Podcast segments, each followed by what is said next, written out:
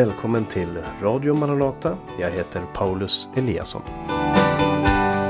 Esters bok i Bibeln är berättelsen om en judisk kvinna som blir drottning i det medisk-persiska riket och som tillsammans med sin kusin Mordokaj får rollen som sitt folks räddare. Och den berättelsen ska vi tala om idag och ge några nycklar till Esters bok.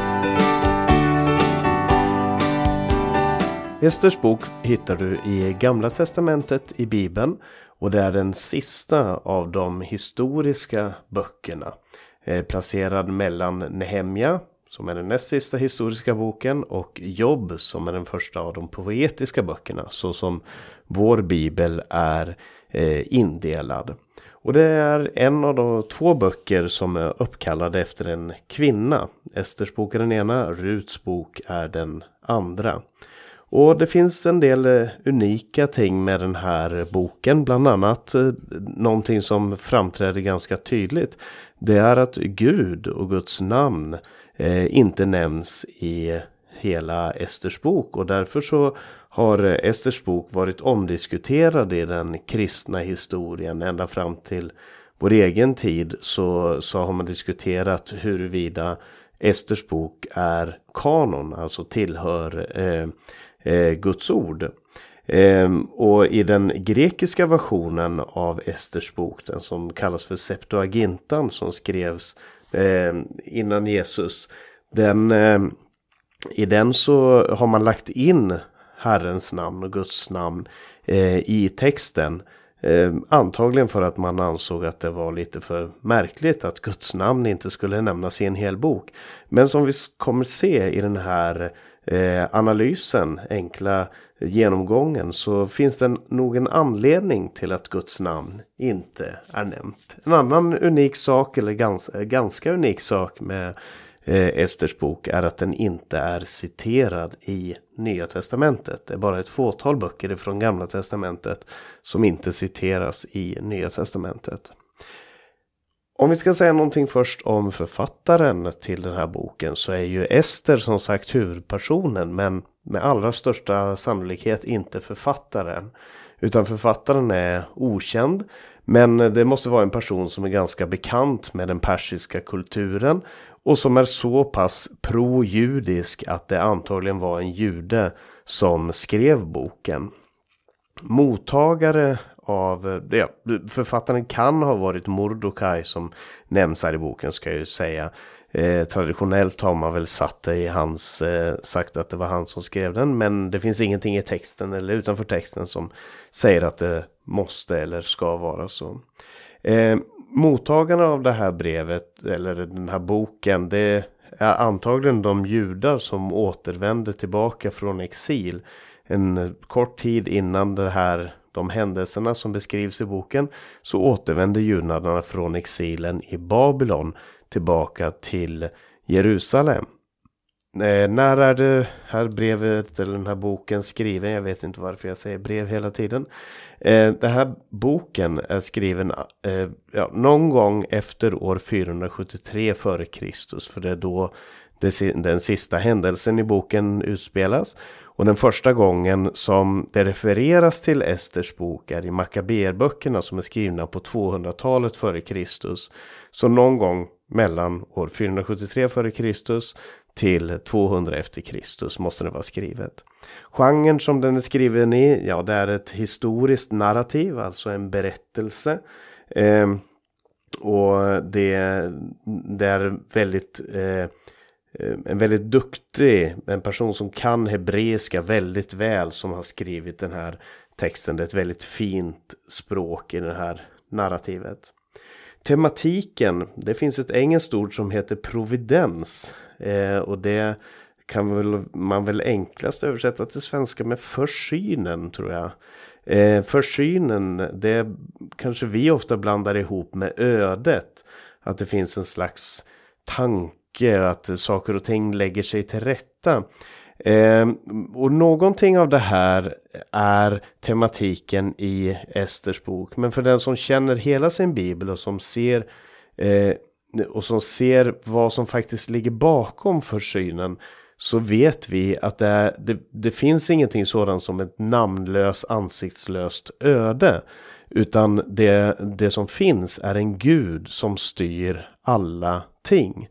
Precis som det står i Nya Testamentet när vi läste det här när vi förra gången talade om apostlagärningarna så såg vi att eh, den här församlingen som, som var i Jerusalem de bad till Gud och så sa de att du, eh, det här folket, Pilatus och hedningarna och de andra, de gaddade sig samman mot Herren och hans moder för att utföra det som du i din allmakt hade förutbestämt.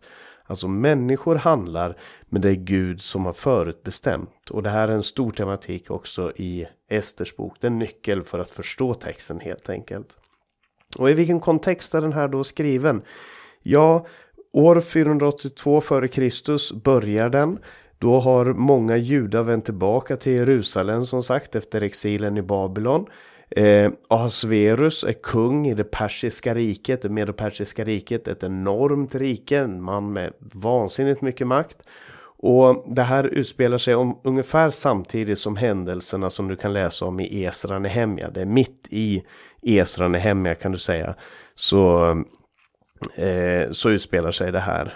Judarna de var inte något starkt eh, rike. Judeen, Jerusalem, Israel var inte något starkt rike. De, men de hade rättigheter. Men de var väldigt utsatta. Och det är utgångspunkten för den här berättelsen. Nu ska vi gå in i historien.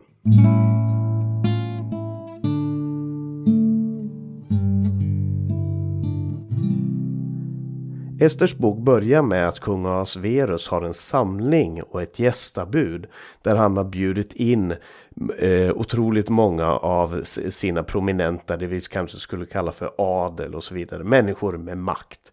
Eh, och i, inom den sfären så hade han en väldig generositet. Det står bland annat i texten att ingen fick tvingas.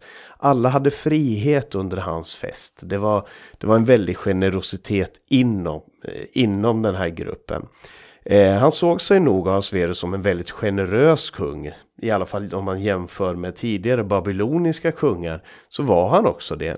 Eh, men den, den sista dagen i den här festen så är han full. Det står att han var, hans hjärta var glatt av vinet. Och då bestämde han sig för att han skulle visa upp sin fru Vasti. Eh, han kallade henne till sig och ville visa upp henne och hennes skönhet för de andra männen. Eh, och det här det här är en ganska speciell situation för att det som händer är att Vasti vägrar. Hon vill inte komma till den här festen, hon vill inte vara med på de premisserna. Och det gör kungen vansinnig. Och många män, och det här handlar ju om män då eftersom det är män som är gifta med kvinnor. Eh, många män eh, så, eh, finner sin identitet i, vad, i sin i sina erövringar, i vad de har fått till både på det arbetsområdet, i äktenskap, i förhållande till kvinnor, i förhållande till andra människor. Och Ahasverus är alltså inget undantag. Han är en man som definierar sig som bland annat mannen med den vackra hustrun, mannen som har en vacker drottning. Eh, och han vill visa upp det här för andra för att det är så man får sin makt anerkänd. Och när hon då utmanar den här makten då slår han ner på det hårt. Och det är det som är saken att eh, i vårat samhälle så finns det begränsningar på vad män kan göra i sådana situationer. Naturligtvis eh, om man inte vill följa lagen så behöver man ju inte eh, känna några begränsningar på det sättet. Men ju mer makt en person har, desto större konsekvenser får sådana här händelser. Och det är precis det vi ser i den här händelsen. Han, han avkläder henne all makt, all position. Han tar ifrån henne allt, allt, allt. För att han kände sig förnedrad. Utan tanke på att hon kunde känna sig förnedrad över att bli framställd eh, för att demonstreras inför andra kungar. Och han bestämmer en ny lag och han utlyser, han, eh, utlyser en skönhetstävling. Eh, och för att få sig en ny drottning. För att en kung måste ju ha ett harem. Det är så han visar vem han är. Det är så han identifierar sig som den största ibland män. Han har flest män. Och eh, om vi går in i kapitel 2 så är det den judiska kvinnan Ester eller Hadassa som betyder stjärna. Det är två olika språk och, och båda de här orden betyder stjärna. Ester på hebreiska, Hadassa på grekiska. Eh, ursäkta, det är tvärtom. Eh, men hon blir i alla fall drottning. Eh, hon är en vacker kvinna och det är hennes kusin Mordokaj. Eh, eller Mordechai. Som, som eh, är den som drar i trådarna här för att hon ska få ska vara med i den här tävlingen. Om man ska kalla det för en skönhetstävling. Eh, och i, så det är de två tillsammans då och hon blir drottning. Eh, kungen väljer ut henne som den vackraste och hon förbereds för att bli, för att, eh, bli drottning för kung Asveros. Och i slutet av kapitel 2 så eh, är det Mordecai, Esters kusin, informerar eh, de kungliga om en konspiration som han hör talas om. Och det kommer få vikt senare i historien. Om vi går vidare så kommer det en konflikt med en man som heter Haman. Haman han är kananit. Och han upphöjs av kungen utan att vi egentligen vet varför. När Mordecai berättade om den här konspirationen så fick det inga konsekvenser. Han blev inte upphöjd. Han blev inte tackad eller så. Men den här Haman. Eh, han, eh, han kallas för Agagit. Det kommer ifrån kananéerna som historiskt sett var judarnas fiender. Men han upphöjs och han är en man som verkligen vet att söka makt och respekt. Han vill ha makten, han vill ha äran, han vill ha, han vill roffa åt sig och riva åt sig. Och även om kungen inte krävde tillbedjan av sina härskare och herrar, de, de som han insatte med makt, så kräver eh, Haman att människor ska falla ner inför honom som en slags tillbedjan. Men Mordecai han vägrar. Och det märker Haman. Och som representant för judarna så, så vägrar han det och utsätter med det eh, hel, alla judarna för en stor fara. Eh, pre precis som det var som det har varit så många gånger i historien så är det eh, konflikten mellan människor med civilkurage, människor som har ett mod eh, och människor som har makt. Om du läser Daniels bok så kan du också se det här, kungen som har makt och Sadrak, Mesach och Abenego som visar mod och så konflikten mellan de två sakerna. Daniel som hade mod och de här, eh, de här andra som, som anmälde honom till kungen när han eh, tillbad Gud tre gånger dagligen och blev kastad i, i lejongropen. En annan gång ska vi tala om, Esters, eh, om, om Daniels bok. Men den här berättelsen den påminner väldigt mycket om, om de andra berättelserna om människor som visade mod inför maktmänniskor. Och Haman, precis som Asverus, han vågar inte låta de som hotar makten leva. Och därför så, så klarar han att lura kungen, eller han vet vad som triggar kungen. Och han får kungen med sig på att de här judarna, de ska dödas. Och det bestäms en dag, man kastar lott om en dag. Då, då man ska eh, dräpa alla judar. Och den här lottkastningen det heter på hebreiska pur. Och därifrån kommer eh, ordet purim som är eh, den fest som judar än idag firar till minne av det som hände under den här historien. Men de bestämde i alla fall att den 13 Adar då ska alla judar dödas. Då är det slut på judendomen. Och det eh, fortsättningen handlar om hur gick det med den här planen.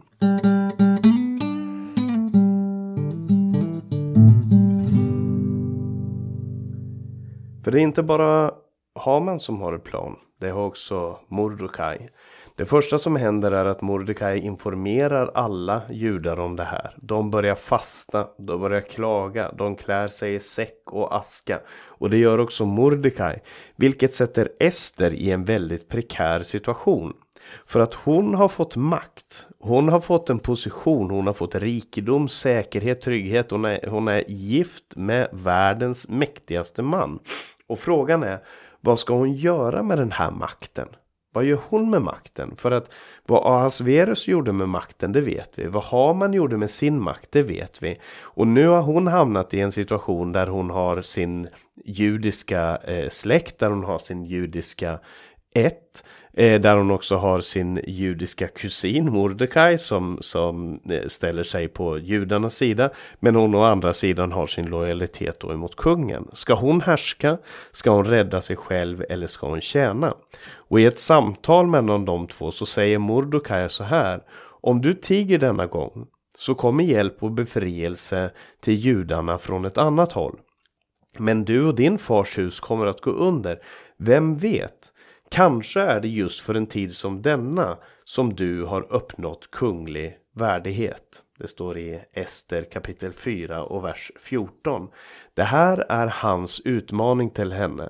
För det första så säger han hjälp och befrielse för judarna, den kommer. Den kommer. Gud kommer att utföra sin plan. Även om man, som sagt, han nämner inte Gud. Men det är så tydligt i texten. Eh, det, är, det, det är så hårtunt lager mellan det som sker på jorden och det som Gud har förutbestämt. Och mm, så han, han säger hjälp och befrielse, den kommer. Gud kommer att se till att det händer. Men frågan är, vad ska du göra i den här situationen? Du har makt. Du har möjlighet. Du, du har möjlighet att använda din makt för att tjäna ditt folk, för att tjäna dem till frälsning. Och frågan är, vad väljer du att göra? Och hon går med på det här, Ester. Hon säger, okej, okay, jag går med på det här. Och så säger hon, säg åt dem att de ska fasta för mig, att de ska tänka på mig. Eh, och så säger han, är jag förlorad så är jag förlorad. Hon eh, godtar det här eh, den här försynen, den här positionen som hon har fått, den kan hon använda för att rädda sitt folk. Och eh, det som händer då är att eh, Ester eh, vill ha en fest för kungen och Haman. Hon, först så bjuder hon in kungen och Haman till en fest och det är inte utan eh, risk för att eh, eh hon går oinbjuden till kungen för att tala med honom. Eh, och det var någonting som kunde straffas med döden om kungen inte eh, om kungen inte ville det. Och än en gång ser vi vad händer när människor har så mycket makt. Vem, vad, det är vilddjursandar. Även det medopersiska riket beskrivs i Bibeln som ett vilddjur. Ett vilddjur med två huvuden, det mediska och det persiska huvudet. Och det är alltså en man som kan bestämma att någon ska dö bara för att de kommer oinbjudna till honom helt enkelt. Men han gör inte det. Genom Guds försyn så, så, eh, så är han välvilligt inställd till Ester och Ester bjuder in honom till sin fest. Han och Haman kommer dit till den här festen. Haman är väldigt stolt över att han har fått sån makt och även ingång hos drottningen. Och på den här festen, den här där hon har bjudit in dem, så bjuder hon in dem till en ny fest. Hon säger kom tillbaka igen. Och när Haman går ifrån det här mötet så möter han Mordokaj och han blir provocerad igen. Och han bestämmer att den här mannen, han ska hängas imorgon den dag. Eh, och den natten, för nu tar Guds försyn verkligen plats i den här historien. För den natten så blev kungen påmind om Mordekais hjältemod. Han Eh, kunde inte sova och han därför så fick han eh, var det någon som berättade för honom läste ur krönikorna berättade för honom just den natten om Mordekais hjältemod och nästa morgon så befaller eh, kung Asveros att Mordecai ska äras i staden och att det är Haman som ska ära Mordecai. Ett, det är väldigt många ironiska händelser i det här. Alltså Haman som sökte makt, han håller på att förlora den. Men Mordecai som verkligen inte sökte makt, han är på väg att få den. För att sen kommer Esters andra fest, där Ester avslöjar Hamans plan. Kungen blir vansinnig på Haman, han kräver att Haman ska dödas än en gång. Vad gör man när man har makt? Man har makt att döda, man har liv och död i sin hand och allting följer nyckerna. Män med makt löser allt med la nya lagar och nya mord. Eh, kungen tar ingen som helst självkritik för att det är han som har skrivit den här lagen. Men han bestämmer i alla fall att eh, Haman ska dödas Och de eh, gör en, eh, eh, han skapar en ny lag som säger att alla judarna ska kunna försvara sig själva. Eh, och det sker i, i två omgångar. Vi ska inte gå in på det här men det sänds ut bud till alla judar. Att ni kan försvara er. Det finns en räddning, det finns en frälsning för det judiska folket.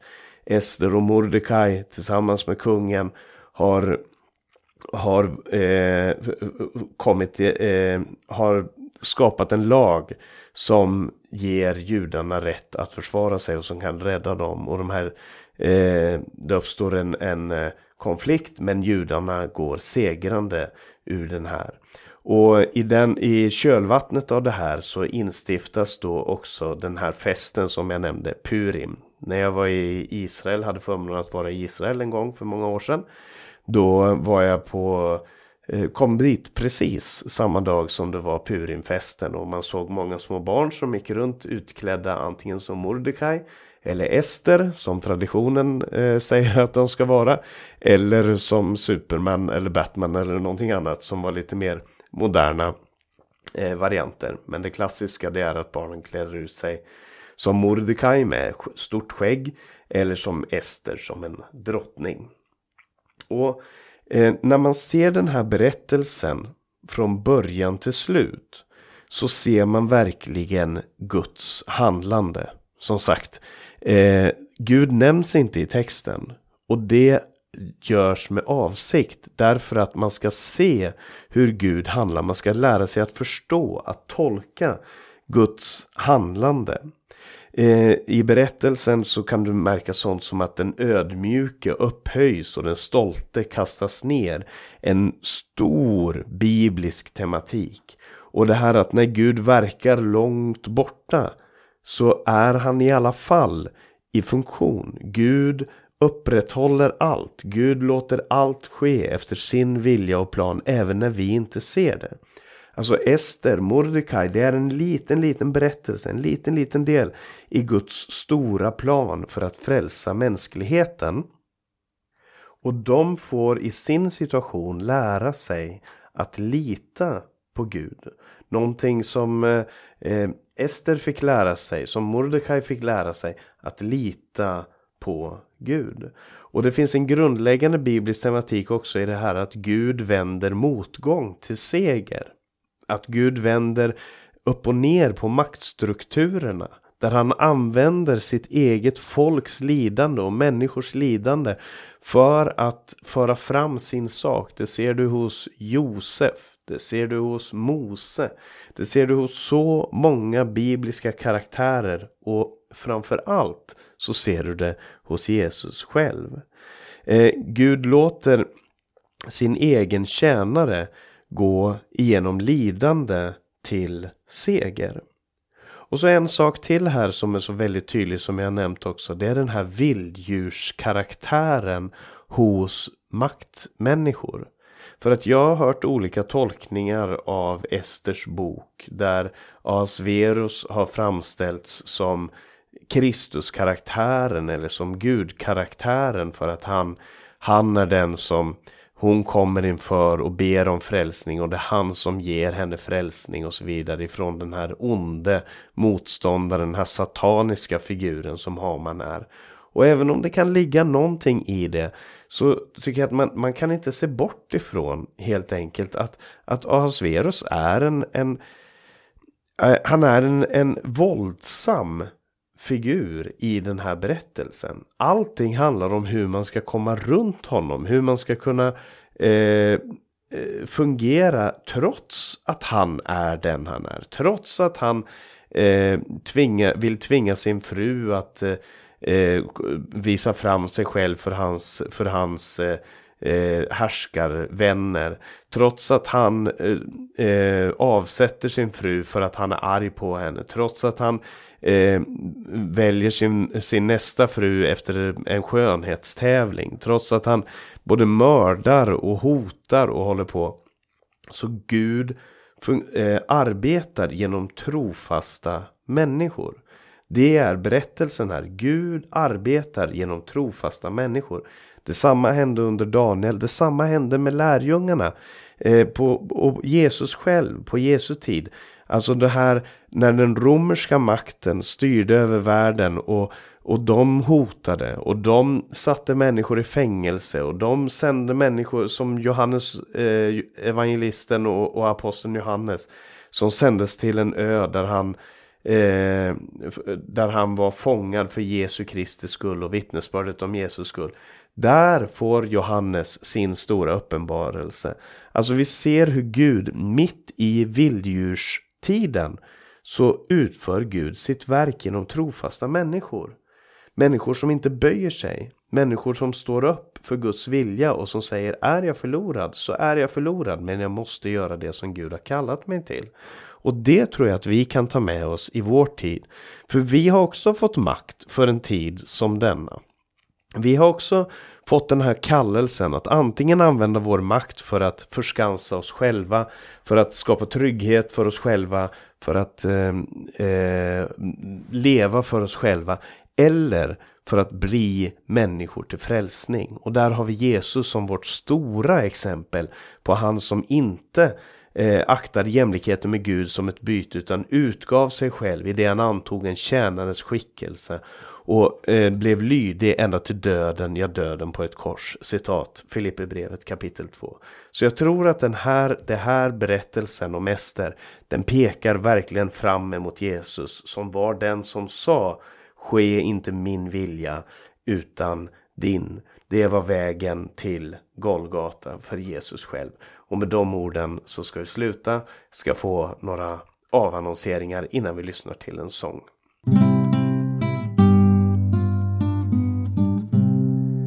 Du har lyssnat till en podcast ifrån Radio Maranata med mig Paulus Eliasson. Det här programmet har sänts över Stockholms närradio 88 MHz och Örebro närradio 95,3 MHz. Sprid gärna de här programmen till andra också så att fler kan få höra om Guds ord. Om du har några frågor eller kommentarer omkring det här programmet, kanske har några egna tankar om Esters bok så skicka gärna en e-post till info maranata.se eller ring 070-201 60 20. Du kan också kontakta mig personligen. Paulus Eliasson heter jag på bland annat Facebook. Och eh, om du har några tankar om programmet så skicka gärna ett meddelande. På vår hemsida maranata.se så kan du höra de här programmen. Du kan läsa Minasropet, du kan se Radio Maranatas övriga sändningstider och Maranataförsamlingens eh, mötestider också. Sprid Guds välsignelse till alla du möter så hörs vi igen om en vecka. Vi har glada bud, lyssna till